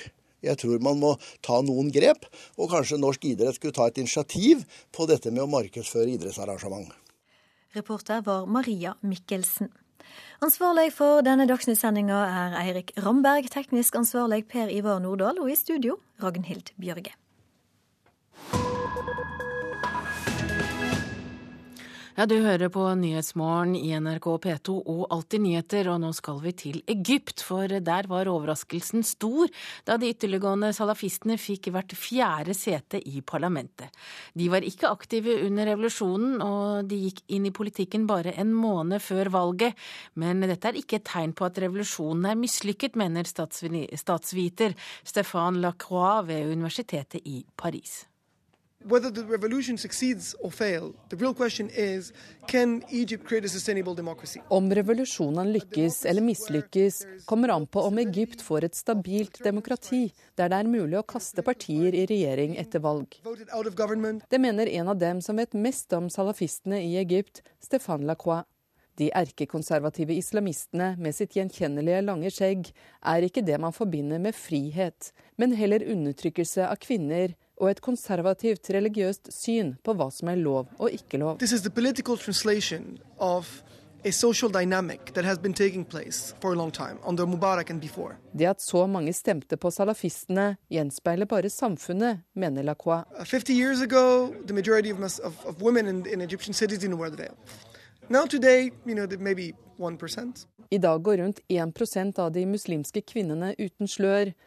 For 50 år siden var det nesten ingen som brukte det.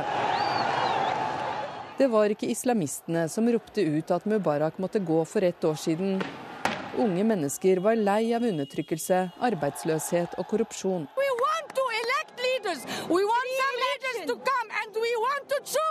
Kvinner hadde en naturlig og sentral plass under demonstrasjonene, noe som ville vært utenkelig i et Egypt der salafistene har reell makt called for a segregation of sexes. They are not uh, willing to let women participate in elections. De vil holde menn og kvinner atskilt, nekte kvinner å delta og stemme ved valg.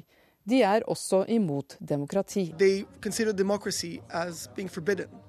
At the same time, now they participate in a democratic system. Of course, the Salafis continue to say that Sharia is the law. Fortsatt lever de etter sharia, Guds lover. Det er derfor et paradoks at de har akseptert demokrati, mener Lacroix.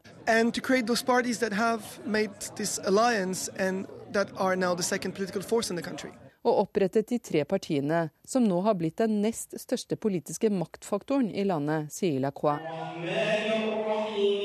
Til nå har vinneren av valget, Det muslimske brorskap, holdt dem på en armlengdes avstand, men det kan endre seg. So the question is, you know, what kind of you know, effect this will have on the Brotherhood as well, right? They've been very keen on trying to systematically distantiate themselves from all the excesses of the Salafis. Uh, at the same time, you know, the strategy may change. Det muslimske brorskap har ønsket å fremstå som ansvarlige, Men dersom salafistene vinner oppslutning med sin populistiske politikk, kan de komme til å inngå allianser med dem, tror Lacroix. Men hvordan kunne noen langskjeggete konservative muslimer bli oppfattet som et friskt pust å få så mange stemmer av egypterne. De har klart å fremstille seg som folkets parti, mens de stemplet brorskapet som en allianse med tette bånd til eliten. At de ikke sto på barrikadene under revolusjonen, har de også snudd til sin fordel. So today what they're trying to argue is that the reason why they didn't get involved in all the political dynamics of the Mubarak era and the early revolutionary era is because the system was too legitimate for men ennå er det militærrådet som har all makt i landet. Og inntil grunnloven endres, vil den kommende presidenten regjere uten å måtte forholde seg til parlamentet og islamistiske partier. Og reporter her var Åse Marit Befring. Du hører på Nyhetsmorgen i P2 og Alltid nyheter. Klokka er 7.44, og dette er overskriftene akkurat nå. Det kunne vært mindre vold dersom flere dopingbrukere hadde fått hjelp, mener professor. E6 er åpnet mens Dovrebanen fortsatt er stengt etter et stort jordras i Sør-Trøndelag.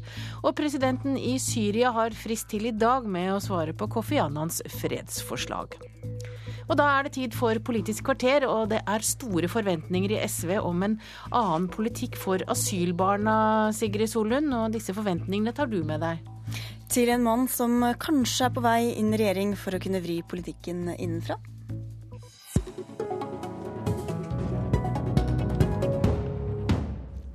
Heikki Holmås fra SV, velkommen til Politisk kvarter. Tusen takk. God morgen til deg òg. Det har eh, vært mange oppslag i NRK og andre medier de siste dagene og ukene om flere hundre barn som bor på asylmottak i Norge i år ut og år inn, og som tvangssendes til et hjemland de kanskje aldri har kjent. Hva syns du om behandlingen av disse barna? Jeg mener at uh, hensynet til barna er det som må være det viktigste i alle sånne saker. Det er noe med at vi har en, en saksbehandlingsmåte å gjøre dette her på. Alle mennesker har rett til å søke om beskyttelse i Norge. Eh, mange får opphold, eh, men mange får avslag, og da har de en plikt også til å reise tilbake igjen. Men en, en del av disse ungene er, er ofre for foreldres valg, som velger å la være å reise tilbake igjen til det landet der, der foreldrene kommer fra. Og dermed blir de sittende i årevis i mottak. For det er noen land som nekter å ta imot sine egne borgere, sånn som er Iran, et, et velkjent diktatur. Eh, Etiopia, Eritrea, også land der, eh, der, det er veldig mange mennesker som får opphold fra, men der, der altså vi ikke får returnert folk til. Og da, da er det barna som lider, og de som får en utrygg fremtid. Og den, det hensynet til de barna må vi ta. Hva slags ansvar føler du og SV overfor den politikken som blir ført eh, overfor disse barna? Vi føler ansvar for den politikken fordi vi har vært med på å utforme den. Jeg har vært med på å utforme politikken overfor barn i flere omganger. Første gangen eh, vi fremmet et forslag om at barn som hadde vært lenge i Norge skulle få bli, var meg og Audun Lysbakken som sammen med Magnhild Meltveit eh, Kleppa fra Senterpartiet og, og en til fra Senterpartiet fremmet i, i 2004. Da fikk vi et enstemmig storting bak at unger som hadde vært her lenger enn tre år, skulle få muligheten til å få opphold. Rett og slett fordi at hensynet til barna var det viktigste. Og når vi i, kom i regjeringskontorene, så var, så var, det helt klart for, for, oss, for alle de tre regjeringspartiene, og vi var enige om at uh, vi skulle legge vekt på, mer vekt på barnas beste i, uh, i innvandringspolitikken. Og dette ble, ble da eh, tatt opp av Kristelig Folkeparti, Bjørg Tørresdal fra Kristelig Folkeparti, som fremmet det samme forslaget. og da følte vi egentlig at vi ryddet opp i dette. Meg og Bjarne Håkon Hansen og, og Magnhild Meltveit Kleppa, vi fikk på plass et nytt regelverk som skulle sikre disse ungene en, eh, altså alle unger for all fremtid en mulighet til at dersom de ble sittende lenge i asylmottak, så skulle de få mulighet til å bli. Fordi barns hensyn skulle ta veie tyngre? Nettopp. Men, men, hvordan stemmer det da overens med den politikken som føres i dag? Nei, Det er det som er det litt ulykksalige i dette. og det er at vi Fra Stortingets side så var, det, så var det veldig mange partier, sentrumspartiene og regjeringspartiene, vi var enige å få på plass dette nye regelverket. Men dessverre så viste det seg at Utlendingsnemnda valgte, valgte å tolke det på strengest mulig måte, sånn at dette var kun de familiene som den gangen hadde sittet lenge. Da var det snakk om fire og et halvt år og, og gått, unger som hadde gått ett år i skole, som, eh, som fikk muligheten til å få bli, mens seinere har dette vært praktisert strengere. Og Det, det sa Utlendingsnemnda sin sjef Terje Skjeggestad senest i et uh, avisinnlegg før jul, at, uh, at politikken var blitt strengere igjen på området. og Det var ikke vår intensjon. Så det som var ment som en evigvarende politikk, ble brukt som et amnesti? I realiteten så var det sånn det fungerte, ja. Men hvorfor står da Arbeiderpartiet og forsvarer akkurat denne politikken og praktiseringen av den i regjering i dag? Det syns jeg det er rimelig at du spør Arbeiderpartiet om, men det er ikke noe tvil om at også Arbeiderpartiet så at uh, dette her var det noe galt med. Denne, denne ordningen, fordi at uh, Knut Storberget gikk i 2010 ut, den gangen han var justisminister, og sa to til tre år er et hav av tid i et barn sitt liv. Og så satte han gang, i gang et arbeid med en ny stortingsmelding om barn på flukt. Og, eh, barn. Og hovedintensjonen, og en av de viktigste grunnene til å gjøre dette, var nettopp å rydde opp i uh, situasjonen for asylbarn. Men altså, den nye partilederen deres, Audun Lysbakken, har gått av som statsråd. Mens han ennå satt i regjering, sa han dette til NRK om disse barna for en drøy måned siden. Ja, jeg ønsker meg nye regler så fort som mulig. I dette spørsmålet er vi i SV helt samlet, og jeg håper at eh, Arbeiderpartiet også vil eh, se at eh, disse barna fortjener en bedre behandling. Heikki Holmås, hvor stor er forskjellen på Arbeiderpartiets og SVs syn på denne saken? Nei, altså det, det, får vi se når vi konkluderer i regjering. Eh, fordi at Ut fra hvordan dere snakker om det nå, da? Nei, det, jeg, vil ikke, jeg vil ikke røpe noe fra interne diskusjoner mellom regjeringspartiene. Men det er jo ikke noe tvil om at det var Arbeiderpartiet som satte i gang arbeidet med å få på plass nye regler for barn som hadde vært der lenge. Eh, de gjorde det fra regjeringskontorene med justisminister Knut Storberget. Vi støttet helhjertet opp om dette fordi at vi så at det var behov for nye regler. Og det er noe med at det, med at eh, det skulle være selvsagt at hensynet til barnets beste skal gå foran innvandringspolitiske hensyn. Det ser vi i domstoler fra, fra Strasbourg i, i, saker som har vært oppe i menneskerettighets, eh, menneskerettighetsdomstolen der. Vi ser det også veldig veldig eh, tydelig i alle mulige saker der barnevernet er involvert. Vi lar aldri barn være ansvarlig for foreldrene sine valg. Hensynet til barna er et selvstendig ansvar som vi som den norske stat har ansvar for å vurdere. Hvorfor kan dere ikke vente til denne stortingsmeldingen som lenge har vært varslet om barn på flukt, kommer? Det er fordi at eh, mange av ungene eh, som nå har vært her lenge, kommer fra Etiopia. Og Etiopia er et land som vi etter mange år i, i Norge har nå inngått en eh, returavtale til. Eh, eller med. Eh, vi kommer til å begynne å, å la den avtalen tre i kraft fra 15.3. Det er bare få dager frem. Så dette må avklares nå med en gang? det da? Ja, jeg tror at det er en brei enighet blant alle regjeringspartiene om at det haster å få en avklaring på denne saken. Altså Det haster å komme med en konklusjon på den diskusjonen. Men de andre sier at de vil vente på denne stortingsmeldingen? Jo, stortingsmeldingen er grei. Den, komme, den kommer før sommeren. Eh, den skulle strengt tatt ha kommet før forrige sommer, altså før i fjor sommer. Det har tatt lang tid, og vi ønsker at den stortingsmeldingen kommer kommer så fort som mulig. Men akkurat spørsmålet om barn på flukt mener jeg at det er behov for å få avklart så fort som mulig. Det har eh, ikke vært noe folkekrav om en mer liberal asylpolitikk, men mange engasjerer seg når de ser historier i lokalsamfunnene eller i mediene. Har dere vært for dårlige til å vise konsekvensene av den politikken? Nei, men Det er vanskelig spørsmål å svare på. for Det er klart at det vi ser i all debatt om, eh, om eh, flyktningpolitikken, er jo at når det, når, det handler, når det, bare handler om tall, når det handler om 10 000, 15 000, 5000, så er spørsmålet i media først og fremst har man kontroll på innvandringspolitikken. Eh, mens når det handler om mennesker, når det handler om mennesker enten det er i Tromsø eller Bodø eller Nathan i, i, i Bergen eller Jalda lenger i nord, så, så handler det om enkeltmennesker og enkeltskjemaer. Og da er også folk sin sympati mye mye sterkere og sitt engasjement for den enkelte barn. Så jeg tror at det er mulig å få god forståelse eh, for at eh, det er viktig å ta ungene sin situasjon. Og vi ser det når Fremskrittspartiet Hvordan føles det når de går lenger enn dere eller etterlyser en mer human asylpolitikk enn det SV fører i regjering? Nei, jeg syns det er et veldig godt uttrykk for at her er det en brei eh, støtte politisk, eller her er det en brei vilje politisk til å se enkeltmenneskene. Nei, nå har vel ikke Fremskrittspartiet akkurat vært ute og på en måte uh, ropt hurra for en, en, en brei uh, oppmykning eller mer solidarisk asylpolitikk, men de har sagt at det er viktig å gå inn og se på de enkelte sakene, og de enkelte sakene det er de ungene det her handler om, og som har vært lenge. og Det er jeg helt enig med Fremskrittspartiet i. Mange av disse sakene handler om folk som ikke samarbeider om retur til hjemlandet, og som Norge ikke kan sende hjem med tvang, som du sa. Hvor motiverende er det for asylsøkere å dra hjem frivillig hvis de vet at de, hvis de får barn og holder ut, så får de antagelig bli? Nei, dette er jo det store dilemmaet. Det er ikke noe tvil om at her er det to hensyn som står mot hverandre. For det er ingen tvil om at du vil risikere at noen familier velger å skyve ungene foran seg og klamre seg fast i Norge fremfor å dra tilbake igjen til utlandet. Eh, dersom vi får på plass et regelverk som er sånn som det vi ønsker. Men likevel så er det sånn med at vi må ta hensynet til ungene. Og vi, eh, vi har et ansvar overfor de ungene. Foreldre kan gjøre feil valg i mange saker. Eh, men det er likevel sånn at vi har et ansvar overfor ungene, og det mener jeg vi må ta også i sakene som handler om barn som har vært Men er det gitt at, altså, som du sier, alle, alle foreldres valg går ut ved barna. Er det gitt at det er så mye verre å sitte på et uh, mottak enn f.eks. å ha foreldre som drikker for mye, eller som blir skilt, eller gjør andre ting hvor staten ikke griper inn og, og, og overprøver foreldrene? Nei, men Det som er ille, det er å sitte i uvisshet i veldig veldig lang tid over hvor det er du skal tilbringe resten av livet ditt. Hvis du har fått venner, hvis du er fem, seks, syv år gammel, har fått gode venner, snakker eh, norsk flytende, eh, gått på skole, vokst opp i et miljø der du føler deg trygg, så skjønner du at det å bli reist sendt tilbake igjen til et land, eh, til et rått diktatur som Eritrea, eh, et, et, land som Etiopia, der det er brei politisk undertrykkelse og utbakt bruk av kultur Det er klart at dette alle, det, er noe som Det er en uh, vanskelig og vond situasjon, men hvorfor skal staten gripe inn og overprøve foreldrenes valg akkurat i denne saken? Fordi at vi har et ansvar overfor de ungene det gjelder. Det har vi i alle typer barnevernssaker, det har vi i alle typer, andre typer saker. Der er det barns beste som går foran andre behov. Og Dette har de tatt konsekvensen av i andre land. I Sverige har de regler som sikrer at du har muligheten til å søke på nytt hvis du har vært i landet i fire år. I Finland har du regler som ville slått inn dersom vi ikke kunne returnert foreldrene etter ja, bare så kort tid som et år. Eh, og Derfor mener vi at eh, vi kan ikke føre en annerledes politikk i Norge. Vi må være like solidariske som andre land. Og hvis da andre og hvis da flere asylsøkere blir eh, i Norge og uthuler dette systemet, så er det en pris som er verdt å betale?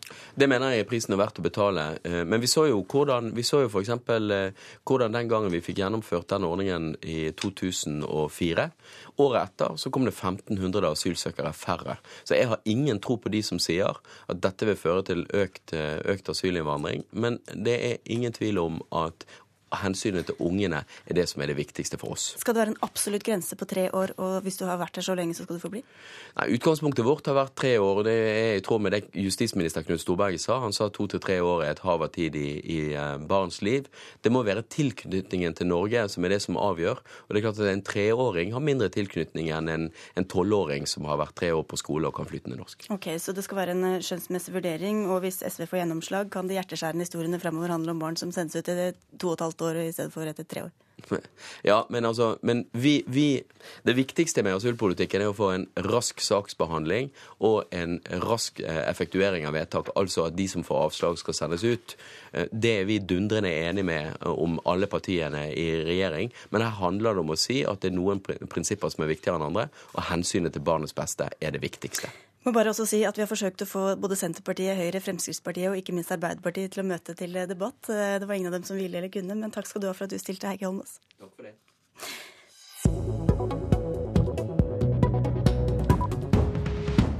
Og så er det på tide å ønske velkommen til deg, Himanshu Gulati. Tusen takk for det. Navnet ditt lyder sikkert ikke så kjent for mange, men det håper du vel å endre på nå? Eh, ja, jeg eh, håper det. Mitt mål er at eh, FPU skal bli et ungdomsparti som er en tydelig motvekt til en venstreside som ønsker å styre folks liv fra vugge til grav. Så jeg håper å kunne markere FPU på en tydelig måte som kjemper ungdommens sak. Og der fikk vi tiltredningserklæringen, for du velges altså etter alt å dømme som leder i Fremskrittspartiets Ungdom når dere har landsmøte nå neste helg. Hvor stor innvirkning vil du si at FPU har på Frp? Nei, eh, Ungdomspartiene er veldig viktig for moderpartiene, og FPU skal være et eh, liberalt eh, korrektiv, eh, korrektiv til eh, Fremskrittspartiet. Og Vi håper derfor å påvirke Fremskrittspartiet, men også å synliggjøre den gode politikken som Fremskrittspartiet har. Og få gjøre ungdommen mer bevisst på de gode løsningene som Fremskrittspartiet har. Hvilken retning og hvordan håper du å påvirke Fremskrittspartiet? Nei, først og fremst er vår oppgave å synliggjøre vår politikk, for Fremskrittspartiet har den beste politikken. Både når det gjelder skatter og avgifter og andre andre saker for ungdom, ikke minst dette med at eh, ungdom effektivt holdes ute fra boligmarkedet i dag. Der har Fremskrittspartiet løsningene, og vi ønsker først og fremst å synliggjøre de løsningene for ungdom, for å få ungdom med oss på laget. Samtidig, FPU er også veldig opptatt av minst mulig offentlig inngrep og byråkrati. Fremskrittspartiet beskyldes ofte for å rope på staten når det kommer problemer. Hva syns du om en sånn politikk? Vi ser jo at mange, Det er jo ganske bred enighet i Norge i dag om at vi skal ha en god del uh, tjenester finansiert av staten. Men Blir det for mye statlig statlig styring fra Fremskrittspartiet innimellom, syns du? Eh, nei, vi skulle nok ønske at det var litt mindre, men det viktigste for oss er at når vi har bestemt at det offentlige skal drive med tjenester, så skal de være best mulig, mest effektive. Og istedenfor at staten skal gå inn og tvinge folk til enkelte tjenester, så ønsker vi mer valgfrihet for den enkelte i valget av de tjenestene. Og der er FPU enig med Frp. Foreldrene dine er fra India, du er selv eh, født og oppvokst i eh, Norge. Hvor enig er du f.eks. med Fremskrittspartiets Christian Tybring-Gjedde, som har sagt at den norske kulturen dolkes i ryggen av den såkalte flerkulturen? Eh, jeg er først og fremst enig med den vedtatte politikken som Fremskrittspartiet har. Og det, men dette, det er det veldig mange da? Nei, men et Sånne enkeltutsagn går jeg ikke inn i. For det viktigste for meg, og også for veldig mange innvandrere, det er at eh, vi får en bedre integreringspolitikk enn i dag. Jeg tror nok venstresiden vil bli veldig overrasket over hvor mange innvandrere som er oppgitt over den naive asylpolitikken vi f.eks. har i dag. Dessuten vil jeg også si at eh, jeg tror ikke innvandrere er noe ulike nordmenn. Det er bare å høre med småbedriftseiere og selvstendig næringsdrivende som prøver å skape sine egne arbeidsplasser, og det er det mange innvandrere som gjør. De er like oppgitt over byråkratiet, skatter og avgifter, påbud og forbud som andre nordmenn. Så jeg syns det blir litt eh, Jeg tror nok det er en myte at innvandrere kun er opptatt av innvandringspolitikk, og det er nok også en myte at innvandrere er motstandere av en strengere innvandringspolitikk. For noen år siden måtte dere skjerpe inn regelverket for å forhindre at mindreårige ble skjenket eller drakk alkohol i FPU.